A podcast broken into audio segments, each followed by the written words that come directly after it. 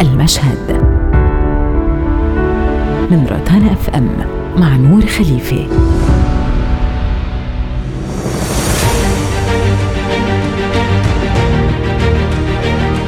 فيلمنا لليوم هو فيلم دوغفيل للمخرج لارس فون ترير.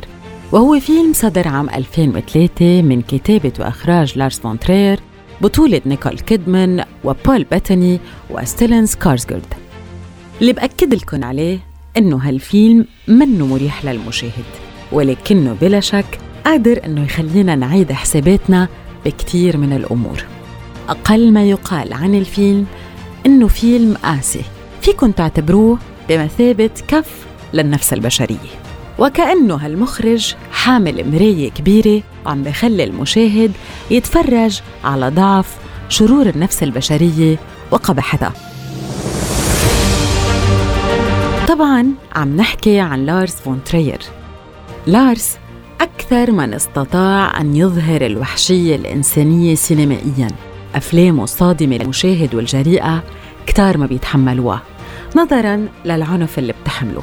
حتى أنه البعض بيروح للآخر وبيتهموه أنه عم بمارس سديته على المشاهد ولكنه بيعتبر أنه الأسوة أكثر ما يتركز بذهنية المشاهد. فهو ما عم يلهيك بجماليات ومناظر خلابة لا أسوة مفرطة. ثلاث ساعات بتقطع النفس.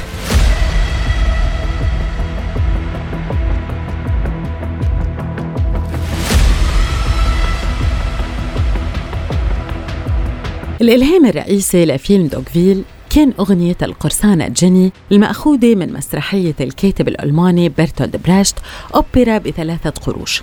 توصف الأغنية كيفية إساءة معاملة إحدى المدن لفتاة حتى يتم إنقاذها من قبل مجموعة من القراصنة. وبيسمحوا لها تحدد هل ستواجههم بالغفران أو بالانتقام. بتقول كلمات الأغنية في تلك الليلة تسمعون صرخة في الليل وتتساءلون ما قد يكون ذلك الصوت. وترونني أكشر عن ابتسامة وأنا أمسح الأرض. وتتساءلون لماذا تبتسم هذه؟ قد ترمون لي بقشيشكم وتنظرون إلى السفن لكني أعد رؤوسكم بينما أرتب الاسره الليلة لا أحد سينام هنا.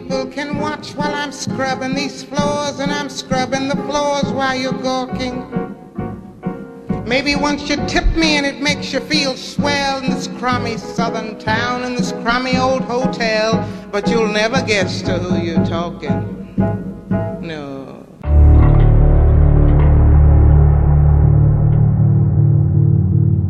هالفيلم تم تقسيمه إلى مقدمة وتسع فصول مع صوت المعلق اللي برافقنا طيلة الفيلم طبعا أنت عم بتشاهد بتحس وكأنك عم تحضر مسرحية فالمكان اللي عم بتصير فيه الأحداث اختار فون ترير أنه يكون أشبه بالديكور المسرحي بلدة متخيلة الحدود بين بيوتها مرسومة بالطبشور حتى أنه الأشجار استعاض عنها برسومات على الأرض تشير إليها. أما عن قصة الفيلم فبيحكي عن جريس الهاربة من أحدى العصابات الأمريكية إلى بلدة تدعى دوغفيل. تلتقى بتوم وهو فيلسوف ومفكر البلدة وبتطلب منه حمايتها فبيقبل وبحاول إقناع أهالي البلدة أنهم يستقبلوها وبعد محاولات بيقبلوا. ولكن مقابل أنه تقدم لهم خدمات حسب حاجة كل أسرة. وبخصصوا لها جدول زمني حتى تساعدهم مجانا. وهيدا اللي بصير. إلى أن تصل دورية وتضع بوستر لجريس كشخص مطلوب القبض عليه. فبزيد خوف من وجودها ونتيجة حاجتها للأمان والحماية بتم استغلالها بأبشع الطرق وتتعرض للاستغلال والاغتصاب وتصبح هدف لكل رجال القرية. تفقد كل مقاومتها وحتى أنه بأحد المشاهد منشوفها مقيدة بسلاسل وبتم ربطها من رقبتها بعجلة حديدية منعا من الهرب. ومع كل هالأحداث الوحشية لم يتوانى توم اللي اعترف له بحبه بإيجاد أعذار وتبريرات لأفعال أهل بلدته حتى أنه أراد أن يستغلها وعندما رفضت أنه تستسلم برضاها قرر أنه يتخلص منها ويسلمها للعصابة. المفاجأة أنه زعيم العصابة الهاربة منها هو والدها.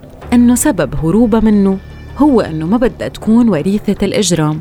وكان في جدال دائم بينه وبين والدها حيث أنه جريس تعتبر الناس ضعاف وبسطة وما بيستحقوا الإجرام.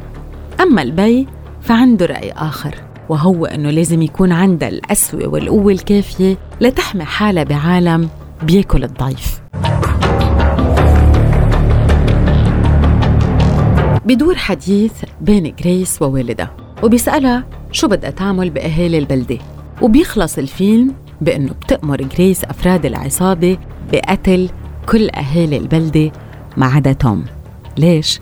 لحتى تقتله بنفسها أما الناجي الوحيد بكل البلدة فهو الكلب وهو الشخصية الوحيدة اللي كان كل الفيلم عم نشوفه كرسمة مكتوب حدا dog. بنهاية الفيلم يتحول إلى حقيقي سامحت الكلب بس لأنه حقيقي يمكن نتيجة ما حصل لجريس كان المنطق الحيواني مبرر وواضح أكثر من المنطق الإنساني. بهالفيلم أراد فونترير أنه يظهر الطبيعة البشرية الشريرة وأنه في شر كبير داخل كل إنسان. وهو تحدث بهالخصوص بأحدى اللقاءات وقال الشر قد ينبت في أي مكان بمجرد أن يحظى بالظروف المناسبة. يعني أي إنسان مهما كان طيب وبسيط إذا سمحت له الفرصة أنه يكون شرير سيكون. وتأكيدا على هالكلام بكتابه عن الشر النائد والمفكر البريطاني تيري أجلتون خبرنا أنه حتى الأطفال اللي نحن بنعتبرهم رمز للبراءة فيهم يكونوا شريرين. وقت نشوف مجموعة أولاد عم يلعبوا أو عم يتناقشوا بموضوع منلاحظ أبعاد الشخصية المستقبلية عند كل طفل وطبيعة السلوك اللي ممكن أن ينشأ عليها. بكتير من الأوقات نلمح حقد ضغينة أنانية بالمقابل في أطفال طيبين ومضطهدين دائما وبيتعرضوا للإقصاء والسخرية. بهالكتاب حكي أيضا تيري عن حادثة وقعت ببلاده حيث عذب طفلين عمرهم عشر سنوات طفل أصغر منهم عمرا وقتلوه دون معرفة الأسباب بوضوح. طبعا هالحدث شكل صدمة حقيقية للرأي العام. فحتى البراءة ممكن أن تخلق فعل الشر. ليش؟ لأن الأطفال كائنات شبه اجتماعية.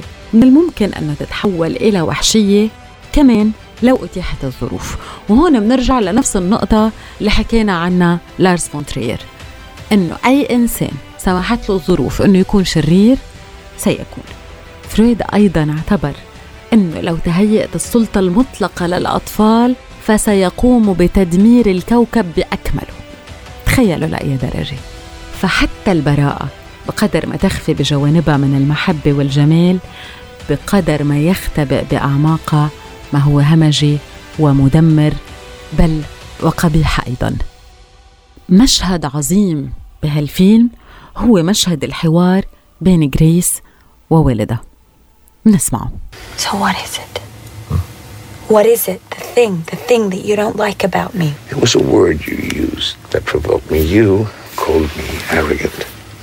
Plunder, as it were a God-given right, I'd call that arrogant, Daddy. But that is exactly what I don't like about you. It's you that is arrogant. That's what you came here to say? I'm not the one passing judgment, Daddy. You are. No, no. You do not pass judgment because you sympathize with them. A deprived childhood and a homicide really isn't necessarily a homicide, right? The only thing you can blame is circumstances. Rapists and murderers may be the victims according to you, but I, I call them dogs. And if they're lapping up their own vomit, the only way to stop them is with a lash. But dogs only obey their own nature, so why shouldn't we forgive them? Dogs can be taught many useful things, but not if we forgive them every time they obey their own nature. إذا لاحظتوا بهالمشهد الأب يتهم جريس بالغطرسة بإحساسها أن أسمى من أهالي البلدة اللي ما بيعرفوا يميزوا بين الصواب والخطأ.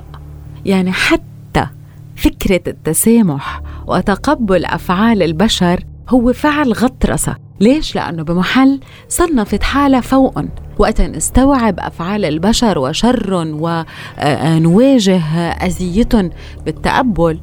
بمحل عم نصنف حالنا بأنه نحن أوعى ومنعرف أكثر ومنفهم أكثر وإلى آخره. وهيدا فعل غطرسة فهون كمان في علامات استفهام بتنطرح حتى على الناحية الخيرة بالإنسان يعني على التسامح يعني على المحبة يعني على الغفران. فهل نحن وقت نكون متسامحين وخيرين منكون لأسباب شخصية؟ لشعور ممكن يغذينا ويحسسنا أنه نحن أحسن من باقي البشر؟ ما بعرف. حتى أنه المخرج والكاتب حكى عن هالمشهد تحديدا وقال مشكلتي الكبرى مع هالقصة هي بمحاولة تفسير موقف جريس المتغير بالنهاية. لا شك أنه أهالي دوغفيل بصيروا متطلبين وقساة أكثر فأكثر مع ذلك أجد صعوبة بتعليل سبب تحولها. بالنهاية جريس بتتمرد على كل المثل الأخلاقية وبتفقد حتى إيمانها بالخير وبتتوصل أنه لا ينفع التسامح مع الشر. دوغفيل فيلم صادم ومستفز إلى أبعد الحدود. لارس فون ترير يخشى ألا يكون الجمهور كرهه بالقدر الكافي. هو هيك بيقول. طبعا الجواب عندكم من بعد ما تشوفوا هالفيلم.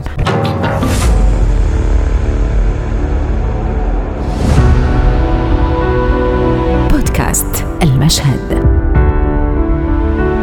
من روتانا أف أم مع نور خليفه